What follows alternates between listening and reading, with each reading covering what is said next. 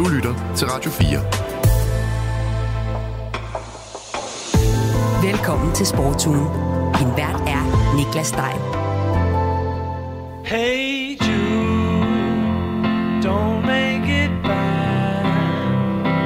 Take a sad song and make it... Ja, det er torsdag. Jude med efternavnet Bellingham, han har skåret for Real Madrid, FC København, har spillet Champions League, og det har måske fyldt så meget, at du ikke rigtig har bemærket, hvad der ellers er værd at vide om sportsverdens gang på den seneste uges tid. Så fat mod, det er derfor Sportszonen er her og er klar til at give dig perspektiv på nogle af de sportshistorier, du også har brug for at vide.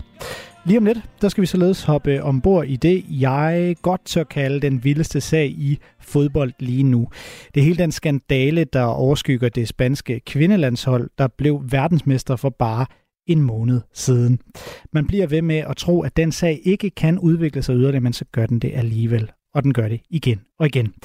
Derfor fylder jeg den første fjerdedel af programmet med at komme til bunds i sagen lige om lidt, inden vi skal vende danske håndboldprotester og belarusisk indflydelse og meget mere. Det her det er Sportsugen. Mit navn er Niklas Stein. Velkommen til.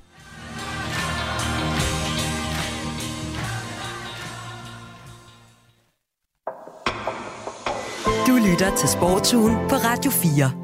De vandt det hidtil største verdensmesterskab for kvinder for blot en måned siden, men da de nykårede fodboldverdensmestre fra Spanien de trådte op på scenen efter finalen for at få deres medaljer om halsen, ja, så var der ingen, der kunne forudsige, at det blot ville blive begyndelsen på en af de største og mest omvæltende historier i fodboldens ja, historie. Ja, jeg ved godt, jeg slår det lidt stort op, men det er helt vildt, hvordan historien den har udviklet sig. Siden Spanien de vandt VM, og den spanske fodboldpræsident Luis Rubiales, han efterfølgende kyssede angriberen Jennifer Hermoso, og efter altså kritikken, den havlede ned over Rubiales. Ham og fodboldforbundet de håndterede det øh, ved at affærdige kritikken, men så blev kritikken bare større, og sagerne de blev flere og flere. Og i dag der er Luis Rubiales så fortid som fodboldpræsident. Han efterlader sig dog et forbund, der stadig kæmper med et væld af problemer, som VM-finalen og efterdønningerne de har sat ild til. Og seneste udvikling, det kom så i den her uge, hvor det spanske landshold de mødte ind i landsholdslejren for første gang siden VM, altså for første gang siden de fik guldmedaljerne hængt om halsen. Derfor skal vi igen hoppe ombord i sagen nu. Det skal jeg med Amalie Bremer, der er vært på missionen her på Radio 4 og på Kvindefodboldpodcasten. Velkommen til Sportsugen, Amalie. Tusind tak, Niklas.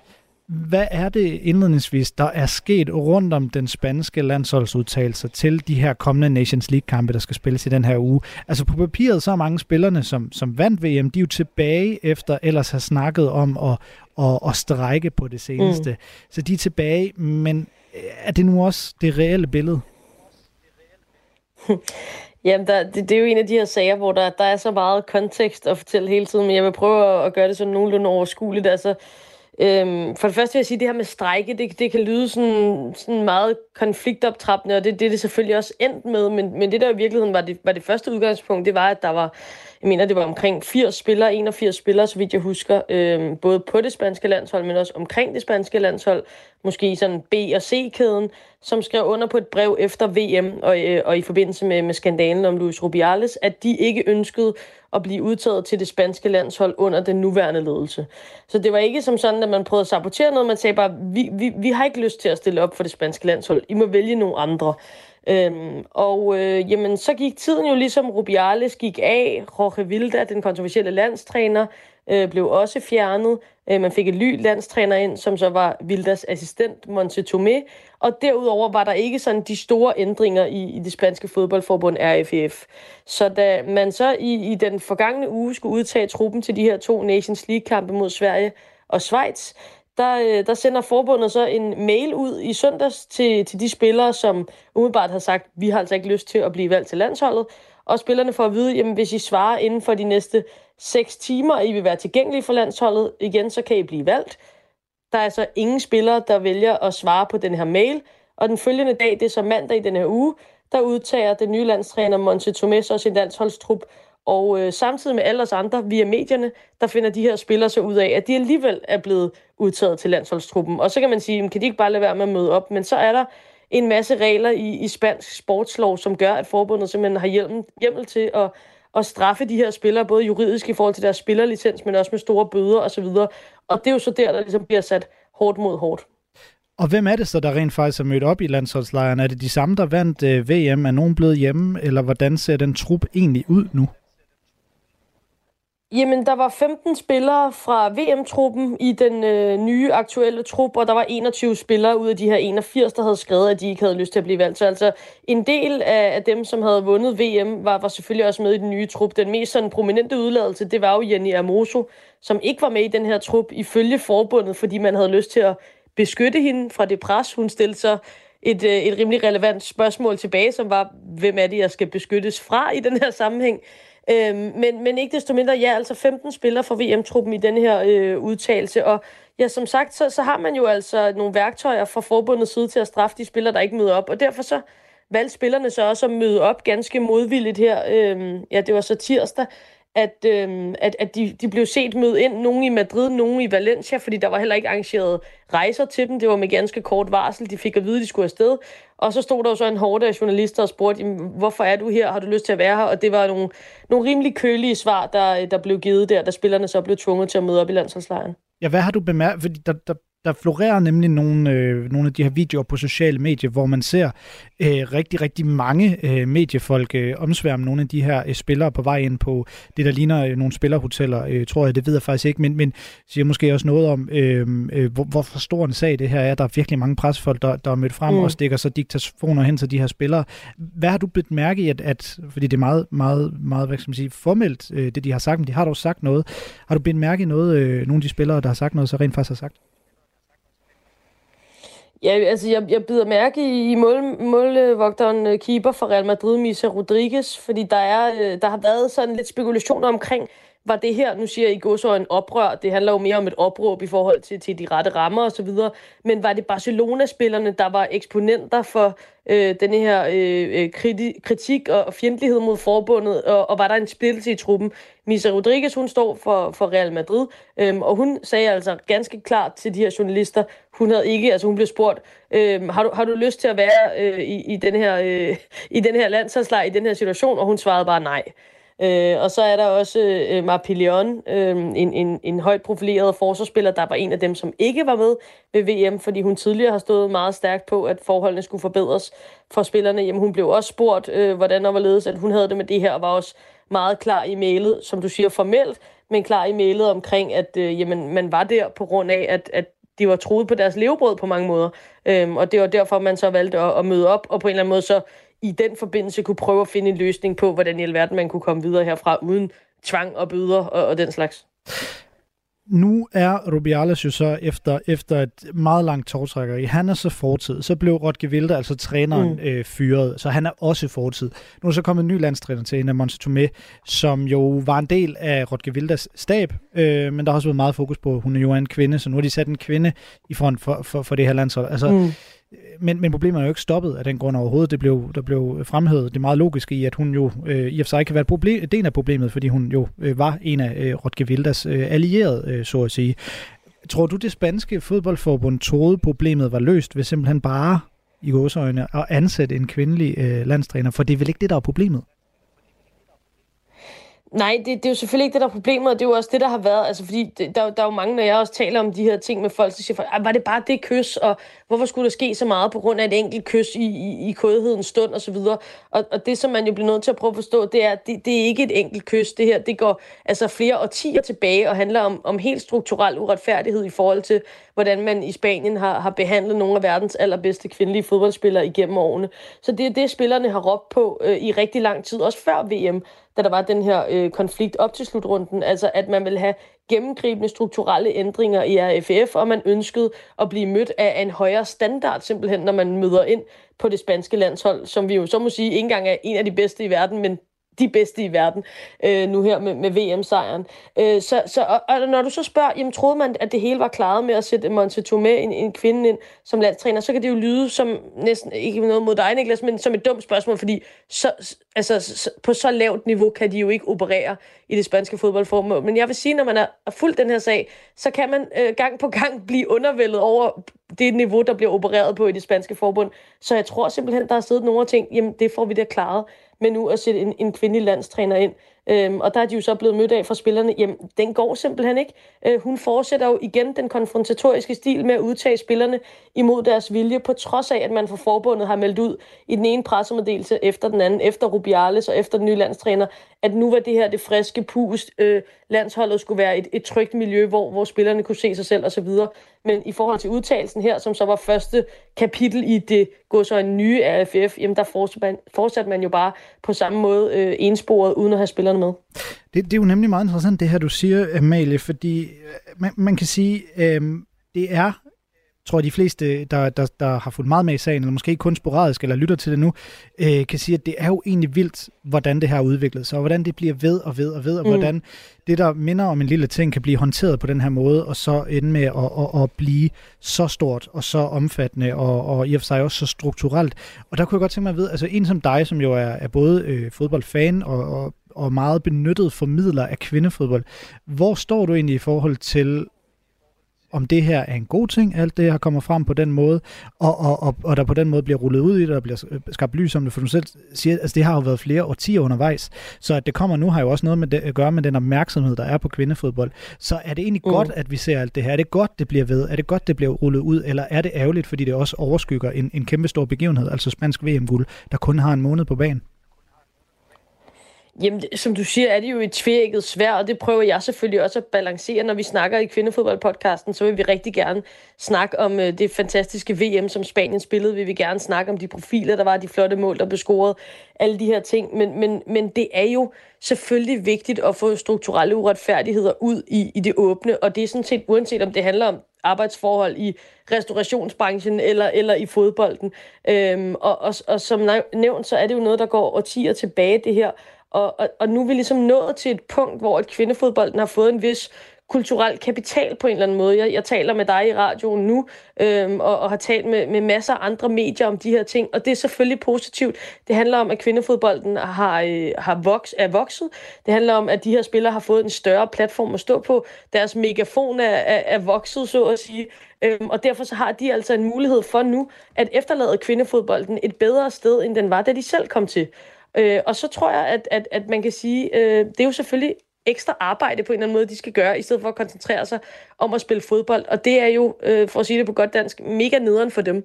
Øhm, fordi øh, selvfølgelig ville det være, være fantastisk, hvis de bare kunne koncentrere sig om at være de bedste atleter, de kunne være. Men det er altså ikke et privilegie, der tilfalder kvindelige fodboldspillere endnu. Og, øh, og heldigvis, synes jeg, selvom jeg også synes, det, er, det kan være tungt for dem, så er de kvindelige fodboldspillere meget bevidste om det her ansvar, og det siger de også igen og igen, vi vil gerne efterlade sporten et bedre sted, end den var, da vi selv kom til øh, i sin tid. Og, og der, der tror jeg bare, at øh, øh så meget som jeg også øh, formidler de her ting, og på den ene side og på den anden side, så, så letter jeg sgu også på hatten for, øh, for nogle af dem, som, som tager en tørn på en eller anden måde. Øh, det, det, øh, det, det er vigtigt i den her tid.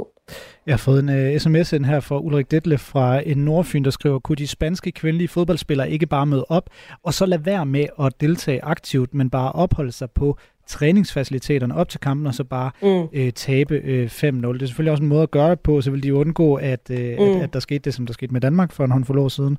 Den her øh, konflikt, øh, som jo Jamen jeg ved ikke, kan, kan man egentlig sammenligne den? Nu når, nu når jeg bare lige tænker over det, så vandt Danmark, eller øh, de spillede sig til sølv i 2017. Kæmpestort, potentielt øh, omvæltende for, øh, for interessen for dansk kvindefodbold. Og så var der den her, øh, den her konflikt efterfølgende, der jo øh, på sin vis øh, i hvert fald var medvirkende til, at Danmark ikke kom med til en, øh, en VM-kvalifikation. Øh, og, og hvad kan man sige?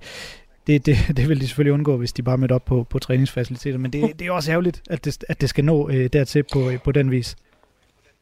Ja, ja der, der har været så mange spekulationer om, du ved, og, og memes på internettet af, af en smilende Alexia Putellas, når hun scorede det syvende øh, selvmål imod Sverige og så videre. Øh, og det er rigtigt, det er, det er jo en til en den samme situation, som Danmark har stået i, og, og igen var Sverige modstanderen, så, så det er jo selvfølgelig også en lille kuriositet på den her måde, og, og jeg forstår 100% hvad, øh, hvad, hvad Ulrik skriver.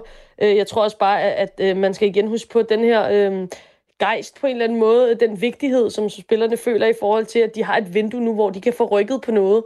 Øhm, og, og der, er de altså, der er de altså i gang, så, så de møder ikke op for at sidde og, øh, og dankdere den og, øh, og lade som om, at de er mødt ind. De, de, øh, de griber ligesom fat i den mulighed, der er for at, øh, at forbedre forholdene for dem og, og dem, der kommer efter. Godt, Amelie Brim. Skal vi ikke også lige på en trods alt mere positiv note slutte af med, at jo, vi jo nu sådan. har det her Nations League-format. Det er jo derfor, det spanske landshold er samlet. Det er det danske landshold jo også, fordi det skal for første, der skal for første gang spilles det her Nations League-format i kvindefodbold. Så lad os lige prøve at snakke om Danmark.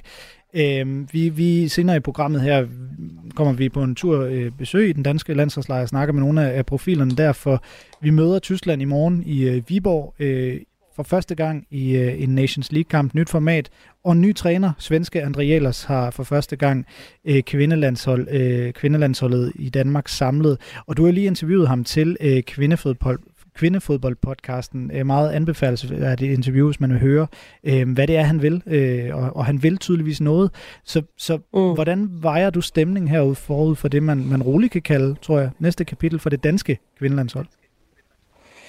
Jamen, jeg, jeg tror egentlig, at der er en, en, en rigtig positiv stemning. Jeg tror, det, det vil der jo altid være, når man vender et nyt blad, og det handler sådan set ikke om, at man var meget øh, kritisk eller negativ over for de gamle, men jeg tror, at de fleste mennesker genkender, at det, det er spændende at prøve noget nyt, og, og nu havde Lars Søndergaard været landstræner for det danske landshold i, i en del år efterhånden, øhm, og, og derfor så tror jeg jo også, uden at fornærme nogen, man kan sige, så er det jo et, et frisk pust, man har prøvet at, at tilføre her med Andre Igler, så det er sådan set også det, han kommer med fodboldmæssigt, Altså, som han fortalte til os i, i podcasten, han, han vil gerne spille offensiv fodbold. Han vil gerne, at øh, Danmark skal have bolden. At man er lidt mere modig til at holde fast i den, så, for, så man får tid til at, øhm, at få flere folk med offensivt og, og sætte sit angreb, som det hedder. Øhm, og og, og det, er, det, det er ligesom hans fingeraftryk på en eller anden måde. Når jeg snakker med, med svenske kollegaer, så siger de Jeglertsbold. Øh, det er ligesom det, han er kendt for. Og det, det skulle være attraktiv fodbold, så det, det glæder jeg mig selvfølgelig sindssygt meget til at se i Viborg øh, i morgen. Nu møder vi en rigtig svær modstander i tyskerne, men også lidt et såret dyr efter VM-slutrunden, hvor de ikke gik videre fra øh, puljespillet. Så, øh, så jo, øh, det, det, det bliver rigtig spændende at se øh, første afsnit af det her nye kapitel for, for det danske kvindelandshold. Ja, det er meget interessant for mange, mange af de ting, du nævner her, lige præcis noget af det, spillerne selv også øh, nævner. Det kan man høre senere, Signe Brun, øh, øh Sofie mm. Junge og øh, Sanne Troelsgaard øh, fortælle lidt om. Øh, så, så, så der må virkelig være noget om det. Og så lige til allersidst, altså det er jo som sagt Tyskland, det her nye Nations League-format gør jo, at man møder lidt, lidt, lidt sværere modstand. Øhm, Danmark øh, spillede jo øh, VM-kvalifikation mod nogle meget nemme modstandere. Det kunne man også se på resultaterne. Mm. Hvad synes du egentlig, igen som formidler, men også som fodbold, øh, fodboldfan. Du, du bestyrer jo også, eller har startet øh, fanklubben for det danske kvindelandshold. Hvad synes du om, at Danmark nu endelig skal, skal spille mod nogle svære modstandere? Jamen, jeg tror, det, det gælder både sådan objektivt og subjektivt, så, så, så tror jeg egentlig, jeg, jeg, jeg, jeg tænker det samme. Det er selvfølgelig, at det er rigtig godt for det danske landshold at blive matchet på et højere niveau. Som du siger, så havde vi en del kampe i, i de foregående kvalifikationer, hvor den blev 5 og 6 og 7-0, øh, og hvad den ellers blev. Og det er selvfølgelig rigtig sjovt at stå der på stadion og, og have masser af mål og varme sig på. Men så rammer virkeligheden også, når man kommer med til en slutrunde, og så lige pludselig skal møde de bedste af de bedste, og man ikke har fået testet sig selv på allerhøjeste niveau. Det så vi blandt andet ved EM i, i London i 2021, hvor vi mødte netop Tyskland i den første puljekamp og tabte 4-0 efter at have danset igennem øh, kvalifikationen. Så jeg tror, det bliver rigtig godt for niveauet på det danske landshold, at vi kommer til at møde nogle rigtig stærke modstandere i den her Nations League. Øh, og det her med, at, at selvom det er øh, kvalifikation, eller hvad kan man sige, mellemkampe på en eller anden måde, men at de får en betydning. Altså de, de to bedste i den her Nations League, de kommer direkte med til OL i Paris næste år. Det, det er en kæmpe gulderod for alle de hold, der er med. Øhm, og det har vi jo også set på herresiden. Altså i stedet for en masse kedelige træningskampe, så får man et Nations League-format, hvor der er noget at spille om. Det er rigtig godt for kvinderne også. Tusind tak for det, Amalie Bremer. Dejligt både at snakke øh, resultater og spil, men også øh, de større linjer og, øh, og både noget positivt og negativt. Tusind tak, fordi du har tid til en, til en god lang gennemgang af det her i dag. Vi kommer lidt omkring det. Dejligt. Tak for det, Niklas. Det var godt. Øh, sagde altså Amalie Bremer, som jo er vært på øh, vores eftermiddagsprogram her på Radio 4, der hedder Missionen, og på Kvindefodboldpodcasten. Du lytter til Sportsugen på Radio 4. Jonas Vingegaard, han blev to i Vuelta i Spanien i en situation, hvor de fleste nok kunne se, at han kunne have vundet, hvis altså han trådte ordentligt igennem, mens han i stedet gav sejren til sin holdkammerat Sepp Kuss. Debatten er stadig i gang, hvad angår det her. Skulle Vingegaard have gået lidt mere efter sejren eller ej, men mens den er det, så har Vingegaard selv stille og roligt sagt tak for i år, for hans sæson den er nu slut. Så hvilket bedre tidspunkt at runde den nu dobbelte danske Tour de France vinders 2023 af. Så det vil jeg nu gøre med Anders Milke, der er vært på podcasten Forhjulslier og kommentator og reporter på Eurosports. God eftermiddag, Anders Milke. God eftermiddag, Niklas. Vingegaard, han vandt jo man har, man har snart glemt det, fordi det er ved at være noget tid, og rigtig mange sejre siden. Men han vandt jo kriterium de Dauphiné, så blev øh, Tour de France nummer to øh, lukket i bogen, og så blev han nummer to i Vuelta España i sidste uge, hvor han jo også lige vandt to etapper undervejs. Hvordan vil du beskrive Jonas Vingegaards sæson 2023? det er svært at, at sætte ord på den øh, smukke og store sæson, som, som han har haft. Øh, han har også vundet Baskeland rundt, skal vi huske. Han har vundet Gran Camino. Han har vundet 15 cykelløb øh, i år, øh, og han har vundet øh, etabeløb. Han har kun kørt etabeløb i år. Øh, det har været øh, specielt, og særligt det med, at han beviser over for sig selv, vigtigst af alt for sig selv og over for holdet, øh, og selvfølgelig også alle de danske cykelfans, som følger Jonas, at, øh, at han har øh, det mentale overskud, og det fysiske overskud til at køre to Grand Tours på en sæson, øh, kunne køre øh, Tour de France og stadigvæk have benene til at øh, køre med om sejren i La Vuelta i Spanien. Det, øh, det tror jeg var en, øh, en, en, en test og en eksamen for, for Jumbo Visma og, og Jonas Vingegaard. Jeg tror, de forventede, at han kunne, men nu har han bekræftet det, og øh, vi skal huske, at han, han jo stadig er ung. Så øh, der, er, der er store perspektiver efter den her sæson, men det, han har vundet 15 cykelløb, det er jo, det er jo helt uhørt, at en, en cykelrytter har, eller en bjergrytter, en etabløbsrytter har vundet så meget på en sæson.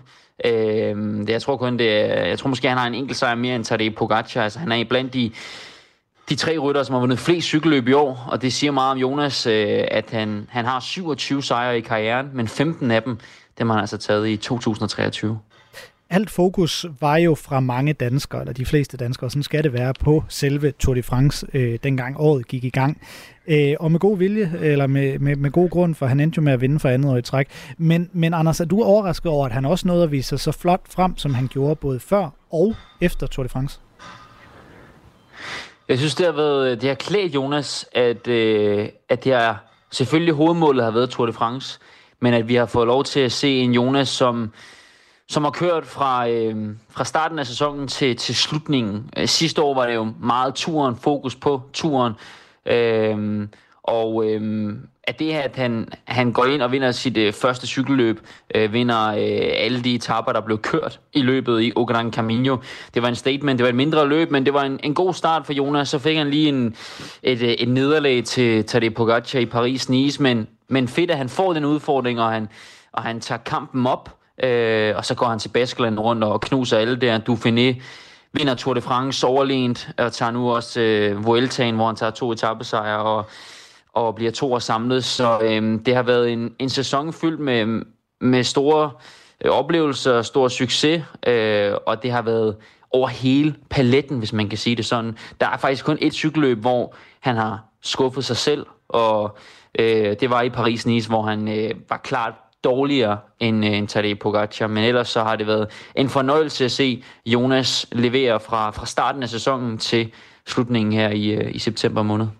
Og kan det give ham blod på tanden i forhold til at være andet og, og mere end Tour de France-vinder? Altså nu snakker han jo eksempelvis også meget åbent om muligheden for at flytte udlands. Øh, som, som mange jo nok efterhånden ved, så ved han jo, så bor han jo op i, i Glyngøre øh, i Danmark. Øh, men, men nu snakker han om muligvis at flytte, flytte udlands, så han kan køre i andet terræn. Altså tror du, vi kan få en anden Jonas Vingegaard at se i 2004-sæsonen, eller hedder den bare igen tursejr frem for alt?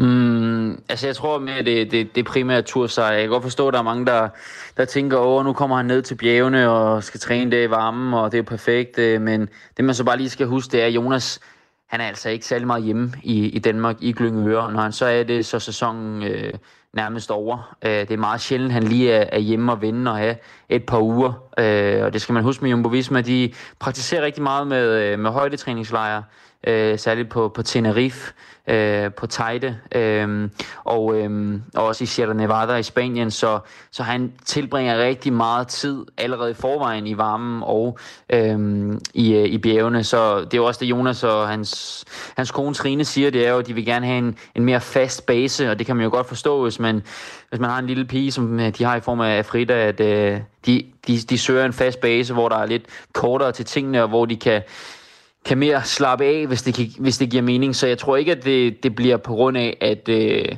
at han flytter udenlands, at han skulle tage nye højder. Jeg tror, det er på grund af, af Jumbo Visma og den plan, og, og det performance-team, Jonas har omkring sig, som øh, er det bedste i feltet. Øh, det har de bevist øh, de sidste par sæsoner. Nu var jeg lige kort inde på den her debat, øh, der jo øh, er, særligt er, er, er stablet på benene herhjemme, om hvorvidt skulle han have gået fuldstændig efter sejren, Jonas Vingegaard, eller var det bare rigtig fint, at han gav, øh, mere eller mindre gav uh, Sepp Kuss uh, sejren, sådan som det er blevet, det er blevet udlagt. Uh, først og fremmest, hvad angår det, Anders, ærger du dig som dansker over, at Jonas Vingegaard han ikke forsøgte at vinde Vueltaen til allersidst? øh, faktisk ikke. Øh, nu tager jeg nok min, min klap her i dag, men vi skal jo også have respekt for Jumbo Visma. Det er, jo, det er jo holdet, han kører for. Det er dem, der har de tre øh, stjerner på holdet med Ivo Eltagen, med, med Jonas og Sepp Kuss og Primoz Roglic. Det er, jo, det er jo dem, der har vundet de første to Grand Tours i sæsonen. Så ved de nok også godt, hvordan den skal vindes. Men det blev jo ikke særlig kønt, den måde, det blev... Øh, det udfoldede sig i øh, studien af den sidste uge i, i Vueltaen. Øh, jeg var jo selv øh, dernede i anden uge, hvor det stod klart, at, at Jonas havde benene til at vinde, da han vinder på, på tourmalet men der havde jeg faktisk en fornemmelse af, at Sepp Kuss faktisk lige så godt kunne vinde stadigvæk, at, at, at Jonas ikke var meget bedre end det. Øh, og man skal bare huske, at fordi Sepp Kuss var i den røde føretrøje, så gav det også nogle betingelser for Jonas, at han nemmere fik lov at køre. Der var den etape, øh, han vinder til Beche, 16. etape, som han dedikerer til sin holdkammerat Nathan van Højdung, som jo desværre nu i går måtte indstille sin karriere. Øh, der får han jo 40 sekunder ud af ingenting, fordi at favoritterne kigger på hinanden. Så han fik meget tid den dag, meget nemt. Og det er ikke, ikke fordi jeg siger, at Jonas ikke var den bedste den dag, det tror jeg, han var. Men øh, det er meget mere abstrakt end som sådan, det her med at give at tage en sejr. Øh, jeg synes, at Jonas gjorde det rigtige øh, i forhold til, til cykelsportens ABC, at, øh, at, at, at, det lyder forkert at kunne give, for jeg synes, at Sepp Kuss var en værdig vinder. Han havde fortjent det, men at han støttede op omkring ham, øh, det synes jeg var, var meget stort af Jonas, og han vandt også noget goodwill på det øh, ude i, i det store, den store cykelverden, at øh, han kunne unde sin, sin kaptajn det, og så er jeg godt klar over, at det er Jonas, der er betalt til at skulle vinde cykelløbene, men, men der er en solstrålehistorie i det her, som er meget større end, end mesteren Jonas Vingegaard. Jeg synes faktisk, han, han viser at være en, en større mester i, at han, han hvad hedder det, han kunne, kunne unde og give det til, til Sepp Kuss, men selve udførelsen af det, øh, det var ikke kønt, og det kan man jo snakke meget om. Øh, man skal huske, Jumbo Visma, de har jo det her, der hedder sammen vinden, det er deres slogan, øh, det er deres DNA, de vinder sammen, og det så ikke særlig kønt ud på øh, Angledo, hvor at, øh, Jonas Vingegaard øh, og særligt Primus Roglic, de parkerede Sepp Kuss i en røde føretrøje, som sad på radioen, øh, og efterlod ham der i uvidshed, om han ville miste trøjen. Øh, det satte de sig så ned og, og snakkede om, og det at Jonas så smed tid dagen efter, og det, det så bare meget karikeret ud, det så lidt akavet ud, og for iscenesat. De kunne have gjort det meget mere smooth, Jumbo Visma. Øh, men, øh, men Jonas skal nok vinde sin Grand Tour, så jeg er godt klar over, at folk siger, øh, altså en Vuelta i Spanien, den står ikke, altså den kommer ikke øh, hvert år øh, som mulighed, men, øh, men jeg tror, at, øh, at det, det kommer til at betale Jonas godt tilbage, at han, øh, han gjorde, som han gjorde. Jamen, det er dejligt med nogle nuancer og noget perspektiv på det her. Det er lige præcis det, vi vil have. Så tusind tak, fordi du har tid til at, at give os det, Anders Milke. Det er mig, der takker, Niklas. Ønsker dig en god dag. I lige måde, sagde jeg til Anders Milke, som er vært på podcasten Forhjulslier, og så er han kommentator og reporter på Eurosport. Radio 4. Ikke så forudsigeligt. I sidste uge der greb storpolitik og konsekvenserne af krigen i Ukraine igen igen ind i sport. Ved det europæiske håndboldforbunds konference i den svejsiske by Basel, der havde repræsentanter fra Belarus valgt at trods en opfordring om ikke at møde op. Men da presset fra en række øvrige lande det blev for stort, så smuttede belarusserne alligevel efter fem minutters tid. En af dem, der var til stede og som ikke brød sig om Belarus' deltagelse, det var dansk håndbold, repræsenteret ved formand Morten Stig Christensen, som jeg har med nu. Velkommen til programmet, Morten Stig Christensen. Tak skal du have. Hvorfor skulle Belarus smutte for den her konference? Øh, det skulle de første og fremmest, øh, fordi øh, vi har en krig øh, i vores baghave, og det vil være ganske specielt og mærkeligt for en lang række nationer at skulle sidde og diskutere håndboldpolitiske spørgsmål til en kongres i Europæisk håndboldforbunds regi. Det synes en lang række af os, at det var helt utilstedeligt, hvis vi skulle være i den situation. Der er vigtigere ting her i verden end, end, end, end håndbold, øh, og derfor øh, synes vi, at øh, i den her sammenhæng, der vil det være utidigt. EHF, som jo afholdt øh, konferencen, de har selv sagt, at de ikke kan ekskludere lande fra at deltage, fordi reglementet foreskriver det. Så er det vel også svært at gøre andet? Det er fuldstændig rigtigt. Altså rent øh, juridisk i forhold til, til deres egne øh, love i Europæisk Håndboldforbund og deres statutter, øh, så skal de invitere alle medlemslande. Øh, der er andre områder, øh, blandt andet i forhold til afholdelse af mesterskaber og også i forhold til øh, øh, kvalifikationskampe, hvor de deltager, hvor de på øh, forskellige vis kan træffe nogle beslutninger i eksekutivkomiteen der. Det har man blandt andet gjort, fordi øh, øh russerne skulle have haft øh, kvinde-EM. Øh, altså Europamesterskaberne for kvinder i 2026. Og øh, der, har, der ligger en, en beslutning fra eksekutivkomiteen om, at, øh, at det mesterskab bliver ikke spillet i Rusland. Så vi er sådan inde i nogle specifikheder, sådan rent juridisk omkring det her. Det er fuldstændig rigtigt, de skal øh, inviteres. Og derfor kan man sige, at der er to ting, der gjorde sig gældende. Et, øh, vi havde et møde i København i et netværk, vi selv har været med til at foranstalte, øh, som egentlig består af de nordiske lande, øh, de baltiske lande og øh, en lang række andre lande helt ned til Portugal, der har tilsluttet sig vores gruppe. Vi er cirka 20 nationer. Og der øh, havde vi en diskussion øh, af de her forhold og blev enige om, at øh, det ville ikke være øh, det ville ikke være rigtigt, hvis vi skulle sidde i samme lokale med, med russiske delegerede eller øh, hviderussiske øh, delegerede. Derfor øh, tog vi initiativ til at sende øh, et øh, statement til EHF velvidende, at deres statutter siger, som de gør, men vi opfordrer meget kraftigt til at prøve at, at gøre, hvad de kunne for at undgå, at vi kom i, i, i den her øh, øh, ikke særlig behagelige situation. Vi skal jo vi skal jo tænke på en lang række af mine kolleger, øh, eksempelvis fra Polen, øh, Finland, fra de baltiske lande osv., har grænser øh, op til øh, Rusland og nogle også til Hvide Rusland. Og øh, det gør et stort indtryk på mig, når jeg er sammen med dem, øh, fordi at de har det så tæt inde på livet, og de øh, reelt har det rigtig, rigtig skidt med den situation, øh, øh, der foregår med, med, med krig lige uden for deres øh, grænser osv. Og øh, derfor blev vi enige om at sige øh, og, og, og bede EHF om at tage initiativ til øh, at prøve at finde en løsning på det her, så vi kunne undgå øh, en, en mærkværdig situation til selve kongressen. Og det gik EHF så i gang med, og, og, og øh, øh, forsøgte at se, om man kunne finde en mindelig løsning. Og i mellemtiden havde vi også øh, i, i vores egen gruppe forud for mødet øh, sat os ned og havde forberedt en statement, øh, hvis det nu var sådan, så man, man ikke fandt en, en, en mindelig og fornuftig øh, løsning. Øh, og den havde vi bedt vores øh, polske kollega om at, at læse op, fordi øh, polakkerne havde inde på livet, og de har haft en, en tilsvarende oplevelse i, i volleyballforbundet, øh, hvor de fik besked af deres regering på, at de ikke kunne deltage til kongressen i volleyballforbundet, hvis der var repræsentanter fra Hvide Rusland og Rusland. Så det vil være en skidt situation, at lande, som ikke er indblandet i krigen, øh, kan blive enten beordret af deres regeringer eller ud fra et politisk synspunkt vælge ikke at komme, mens krigsførende nationer er til stede. Og det er i virkeligheden det, vi øh, reagerede på. Så summa summarum, er du tilfreds med måden, det hele blev håndteret på, og hvordan det endte med at, at gå i Basel?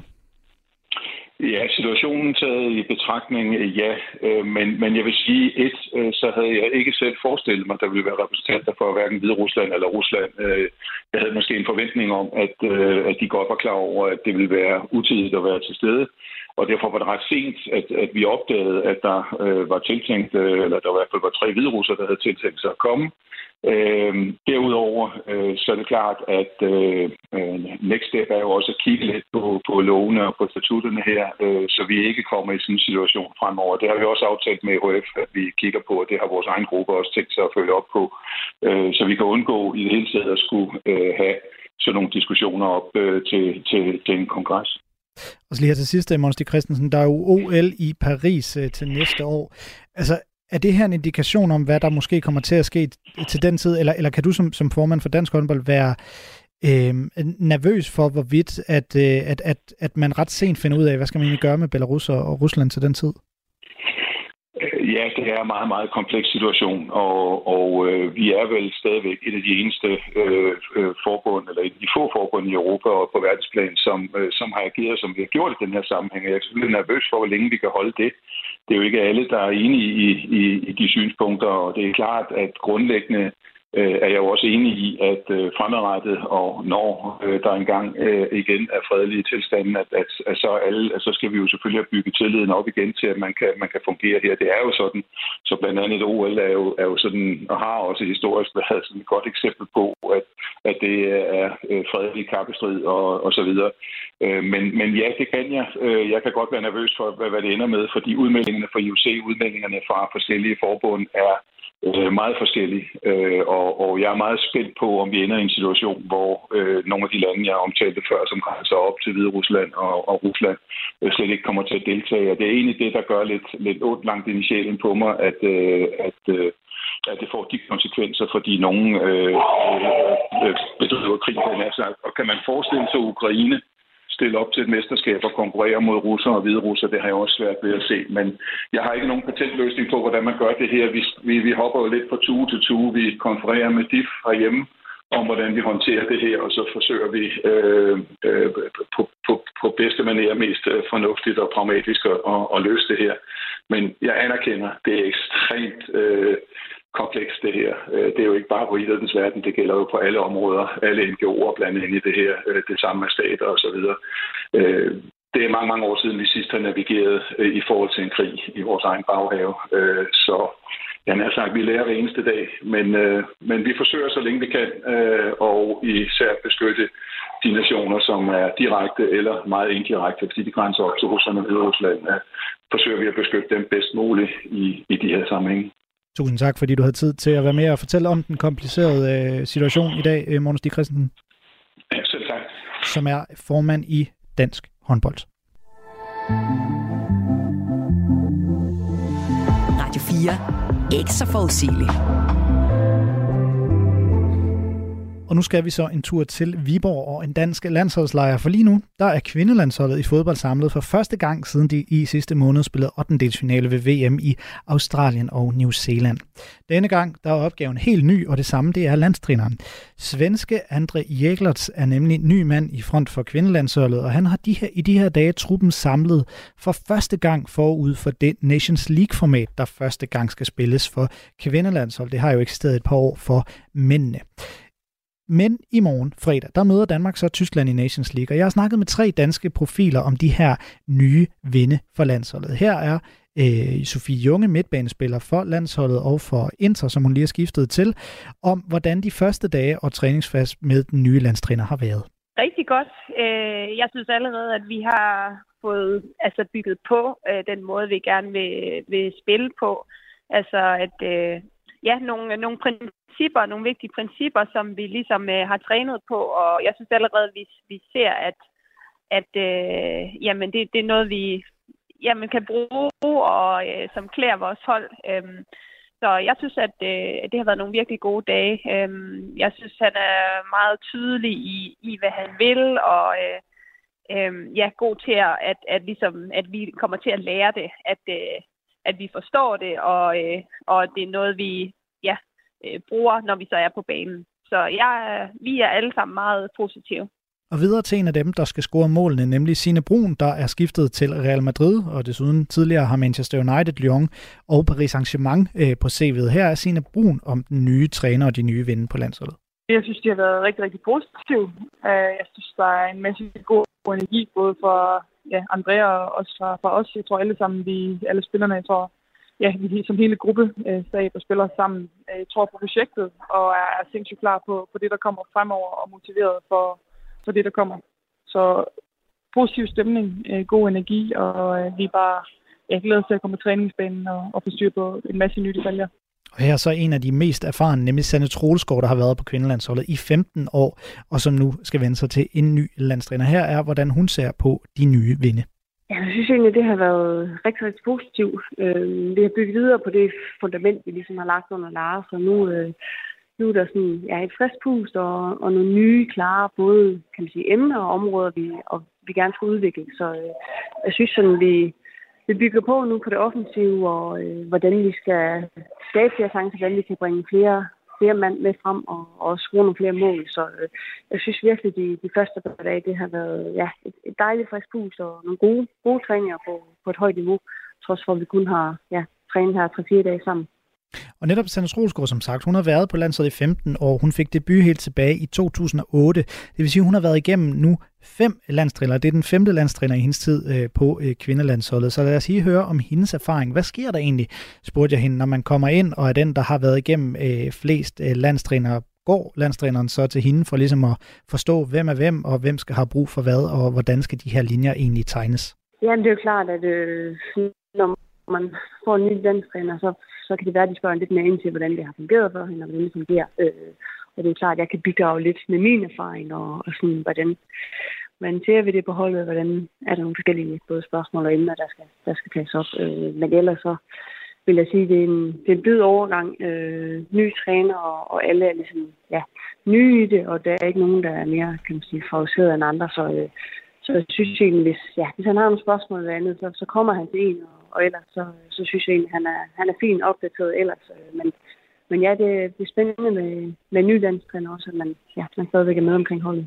Ja, så den nye landstræner, André Jæklers, han vil altså nogle uh, nye ting med landsholdet. Vi hørte også uh, først i indledningsvis i programmet Amalie Bremer fortælle om, om, om de her nye vinde fra landsholdet, som betyder måske lidt mere offensiv profil, eller i hvert fald et landshold, der skal spille øh, bolden noget mere, have noget mere boldbesiddelse. Jeg har spurgt Sofie Junge, som jeg også hørt fra tidligere, hvad der er anderledes indtil videre med den nye landstræner at vi øh, fastholder bolden øh, endnu mere, at, øh, at det er ligesom os, der dikterer øh, spillet. Øh, men at vi samtidig også øh, tager det med, som øh, vi har været øh, gode til øh, med at altså, forsvare, arbejde stenhårdt for at forsvare, så det, det er rigtig svært, øh, også for de allerbedste landshold, at, øh, at score øh, mod os. Øh, så ja, meget fokus på også, når, når vi har bolden, øh, hvad vi gerne vil, at, at skabe større chancer, øh, få flere øh, folk med i, i omkring øh, boksen.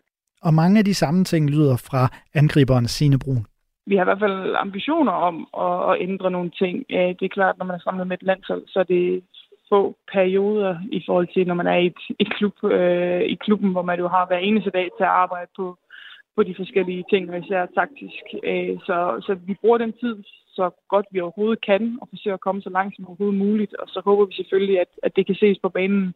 Ja, jo tidligere jo bedre, skulle jeg til at sige.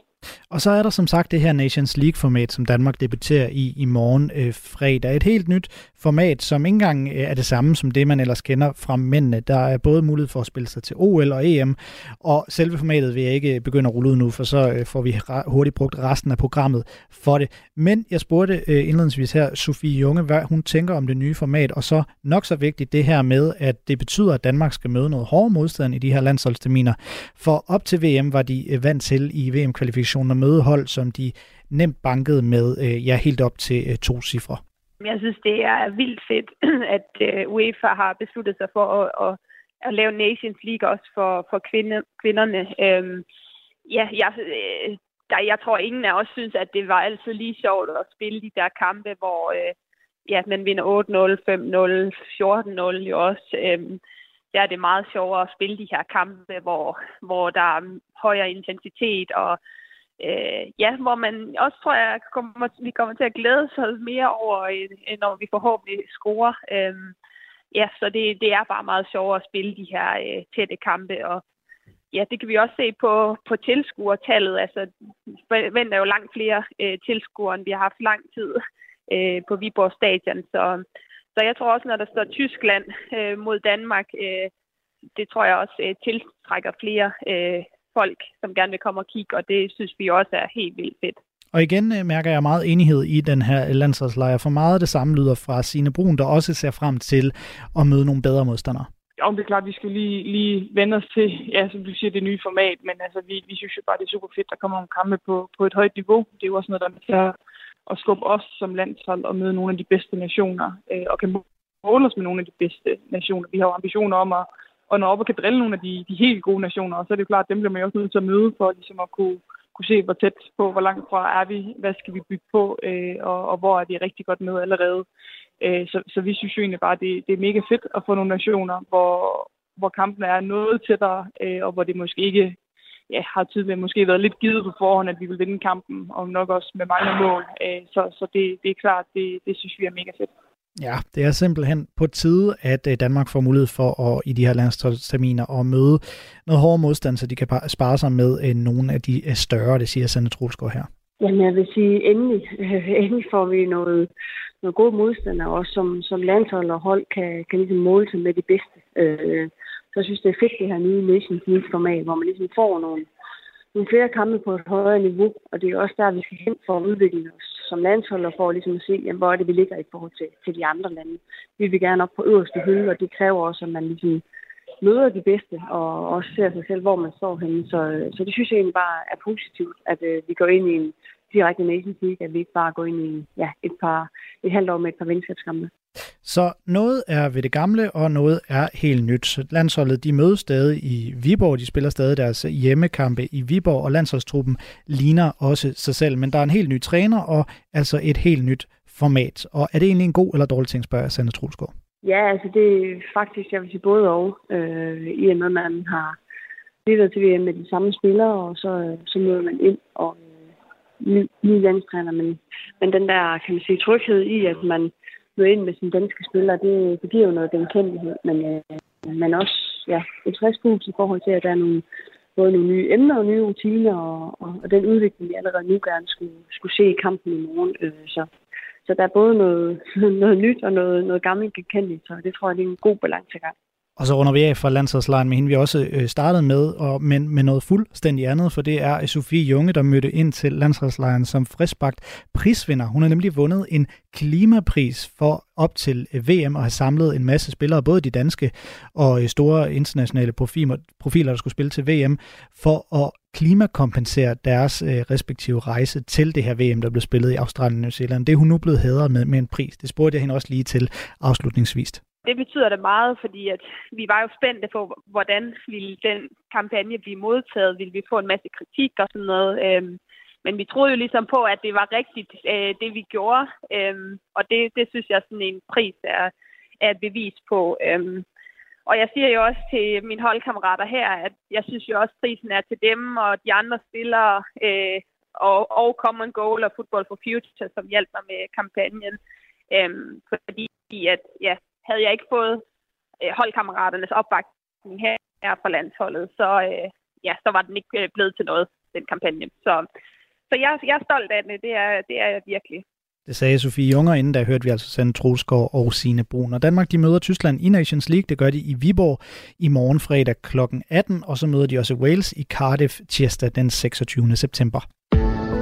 Radio 4. Ikke så forudsigeligt mere landsholdsfodbold er den her gang til herrene, for næste år der er der jo EM, Europamesterskaberne i Tyskland, men værterne de er i krise og muligvis også i en form for vildrede. For nu har de simpelthen fyret sin landstræner for første gang, i landstræneren siden Hansi Flick, altså første gang nogensinde dansk herre, øh, tysk herrelandstræner er blevet fyret. Det her det skete efter, at Tyskland de tabte en træningskamp til Japan i sidste uge. Og nu skal vi så vende den tyske krise med Nikolaj Lisberg, der er freelance journalist med speciale i blandt andet tysk fodbold. Velkommen til programmet, Nikolaj. Tak skal du have. Hvorfor fyrede forbundet Hansi Flick? Jamen altså, du, du siger selvfølgelig, at det var en, det var en træningskamp, øh, men, men problemet var jo, at det her det kom ligesom i kølvandet på en rigtig, rigtig dårlig øh, VM-slutrunde, hvor man, VM-slutrunde, hvor man for anden gang i, øh, i træk røg ud i gruppespillet. Man havde kun fire sejre i de seneste 17 kampe, og alle de der velkendte problemer, som man havde øh, set igennem flere år i tysk fodbold, jamen de blev kun forværret. Og så blev den her kamp mod, mod Japan, som man taber 4-1, og måden man tabte på, det blev jo så det berømte dråbe, øh, der fik bæret til at flyde over, fordi med 10 måneder til, til EM-slutrunden, jamen så var følelsen lidt ligesom, at der skulle ske noget drastisk nu her, fordi med Hansi Flick ved roret, jamen så vil Tyskland i hvert fald ikke være en kandidat til at vinde om 10 måneder. Det var jo som sagt nemlig efter en øh, træningskamp, og de spillede jo den her træningskamp, mens alle de andre var i gang i EM-kvalifikationen, fordi Tyskland jo er allerede kvalificeret til EM i kraft af at de er værtsnation. Så på den baggrund kan det ikke virke lidt, lidt, lidt overilet. De kommer jo med til Europamesterskaberne uanset hvad. Jo, det kan man selvfølgelig sige, men, men igen, altså det, det er fire sejre i de seneste 17 kampe. Det er et tysk landshold, der ikke kan vinde, og det var også et tysk landshold, som i et stykke tid, netop fordi de jo er kvalificeret til EM som værter, har ligesom varslet, at de første mange kampe, jamen det skulle være sådan en stor audition, sådan næsten sådan en X-Factor audition, hvor alle spillere, der bare var mere eller mindre inde omkring det tyske fodboldforbund, eller fodboldlandshold, de ligesom fik mulighed for at vise frem. Man skulle prøve nogle forskellige systemer, nogle forskellige spillere på nogle forskellige positioner. Og så meldte man ud, at nu begynder det. Nu er det den her trup, der ligesom skal, skal lede vejen hen til, til EM-slutrunden. Den første kamp mod Japan, det skulle ligesom være den kamp, der viste, hvor langt det tyske landshold var nået. Og så står man bare tilbage med endnu en virkelig, virkelig dårlig indsats. Ikke nok, men man taber 4-1. Man var simpelthen til tider spillet ud af brættet. Så man kan også vende spørgsmålet rundt og så sige, jamen hvad skulle, hvad skulle tyskerne næsten gøre, hvis de gerne vil eller hvis de ikke vil tabe ansigt om, om 10 måneder, jamen så var det simpelthen nødvendigt at, at reagere, og derfor var der ikke rigtig nogen anden udvej end at fyre Hansi Flick, og det, det var der egentlig øh, bred konsensus om i, i det tyske fodboldforbund selvfølgelig, men også blandt den tyske befolkning. Men hvad med selve spillermaterialet, som Flick havde til rådighed? Altså er det til mere, end hvad Tyskland har præsteret på det seneste? Ja, det er til mere, øh, fordi det, det, det det skal det være, øh, og de har også især offensivt har de nogle rigtig dygtige spillere. Det er jo en trup, som er meget præget af, af Bayern München-spillere. Vi er jo vant til at se Bayern München klare sig godt øh, internationalt, så, så der er selvfølgelig profiler på det her øh, tyske landshold, men der er også nogle mangler, og det synes jeg er ret tydeligt. Øh, det er ikke kun på den her angriberpost, hvor man siden 2014 har jagtet Miroslav Kloses afløser forgæves. Det er også på de to baks, og det er også i, øh, i midterforsvaret, at man, man leder efter de rigtige spillere. Øhm, så det er ikke en trup, hvis vi sådan kigger ned og sammenligner med nogle af de andre europæiske trupper, som er blandt de fire bedste i Europa i øjeblikket. Øh, så, så tyskerne skal selvfølgelig også finde en realistisk øh, forventning, men det er klart, at, at forventningerne er til mere end at tabe mod Colombia og Japan i venskabskampe, og i øvrigt ryge ud i en gruppe med, øh, med Peru og, og, øh, og Japan til, til VM-slutrunden. Så spilmaterialet er til, til mere, men det er ikke en trup, som er favorit til at vinde EM næste år. Tyskland har jo tidligere haft held med at, at decideret reformere sit fodboldsystem i, i landet. Det gjorde de op til VM-triumfen i 2014, og der er skrevet en hel bog om. Den hedder Das Reboot. Øhm, er de der, hvor de har brug for en version 2.0 af den bog? Ja, det kan man uh, roligt sige, og de er jo faktisk i gang. Der er jo blevet vedtaget reformer, som faktisk er mere gennemgribende end den, der blev øh, vedtaget der i, i begyndelsen af år 2000. Man, man arbejder ud fra den filosofi, der hedder Funinho, øh, og det er sådan en sammentrækning af fon og niño, som på spansk betyder, øh, betyder barn. Øh, og det er fordi, at man vil gentænke hele måden, man ligesom dyrker ungdomsfodbold på. Altså den her Das Reboot, det handlede meget om talentudvikling og akademierne ude i klubben, hvor det var klubberne, der skulle forpligte sig til at tænke anderledes. Nu er det simpelthen på ungdomsniveau, helt ned til 5-6 års alderen, at man vil gentænke måden, øhm, som tysk fodbold skal spilles på. Og i, i korte træk, vi kunne lave en hel udsendelse om det, jamen så handler det om, at man skal spille på mindre baner, man skal spille 2 mod 2 eller 3 mod 3, man skal ikke hætte til bolden, man skal spille med nogle lidt andre øh, bolde, og så fjerner man hele konkurrenceelementet. Der skal faktisk ikke rigtig være vinder og taber. Så fodbold skal i bund og grund være en, øh, en leg, og det er jo man så blevet enige om. Men det er jo også noget, som skaber en voldsom kritik fordi der er jo nogen, der er ude og mene sig at sige, jamen prøv at høre, Tyskland har ikke brug for flere lejende spillere. De har ikke brug for flere såkaldte schönwetter altså de her spillere, der kun spiller godt i, øh, i godt vejr. De har brug for nogle af de her øh, dumme svin, nogle af de her kampsvejn, som de jo altid har haft. Altså Matthäus, Kohler, Sammer, øh, Frinks og, og så videre og så videre, øh, Jeremis. Altså nogle af de her spillere, som er gået forrest, som måske ikke altid har været de bedste fodboldspillere, men som har været hårdfører og som har kendetegnet tysk fodbold. Og det er det, der sådan er et, en stor kon- øh, interessekonflikt i forhold til det tyske fodboldforbund nu her. Hvad er det for en vej, tysk fodbold skal gå? For det er lige nu, og her, der står man ved en, øh, en skillevej. Mm. Og Nicolai Lisbeth, her til sidst, så, så betyder det jo nemlig, at de skal have en, en ny landstræner, der skal, der skal føre dem den vej. Og det ser ud til, hvis man læser de tyske medier, og, og hvad endt med Julian Nagelsmann, men det er jo ikke officielt endnu. Altså, hvor tæt på virker det til, at det, at det bliver Nagelsmann? Ja, men det virker som om, at det er øh, stort set på plads. Der mangler en, en offentliggørelse. Det man sådan har skulle finde ud af, det er, at han jo stadigvæk, selvom han øh, er blevet fyret for, for et halvt års tid siden i Bayern, jamen, så er han jo stadigvæk på kontrakt der. Så der er noget kompensation i forhold til, at han skal fristilles for sin kontrakt i, i Bayern München. Men det er stort set på plads. Det, der snakkes om, jamen det er, at det bliver en kontrakt til og med øh, EM 2024 fordi så ser man ligesom uh, tiden an. Så Julian Nagelsmann er, er formentlig træner ved EM-slutrunden, men derfra uh, og derefter skal man muligvis igen ud og finde en, uh, en ny landstræner. Det bliver øh, uanset hvad øh, spændende at se, og eventuelt om vi skal læse deres Reboot 2.0. Øh, indtil videre i hvert fald. Tusind tak, fordi du havde lyst til at være med, Nicolai Lisberg. Selv tak. Så altså Nikolaj Lisberg, som er freelance journalist med speciale i blandt andet tysk fodbold. Han er også rigtig stærk på spansk fodbold og har jo også skrevet bogen Barcelonismo. Og øh, Hans Flick han nåede at være landstræner siden 2021, inden da der var han jo i Bayern München. Radio 4. Ikke så forudsigeligt.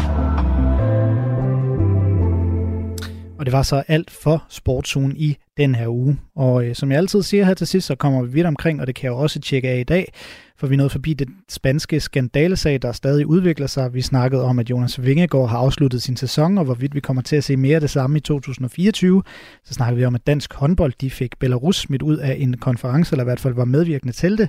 Vi tog en tur i den danske landsholdslejr inden kampen mod Tyskland i morgen, og til sidst snakkede vi så apropos om, at Tysklands herre nu har fyret sin landstræner for første gang. Der er mere sportsugen om en uge. Det bliver en lidt speciel udgave, det vil jeg ikke sige så meget mere om nu. Men vi er tilbage næste uge. Nu du har lyttet til en podcast fra Radio 4. Find flere episoder i vores app, eller der, hvor du lytter til podcast. Radio 4. Ikke så forudsigeligt.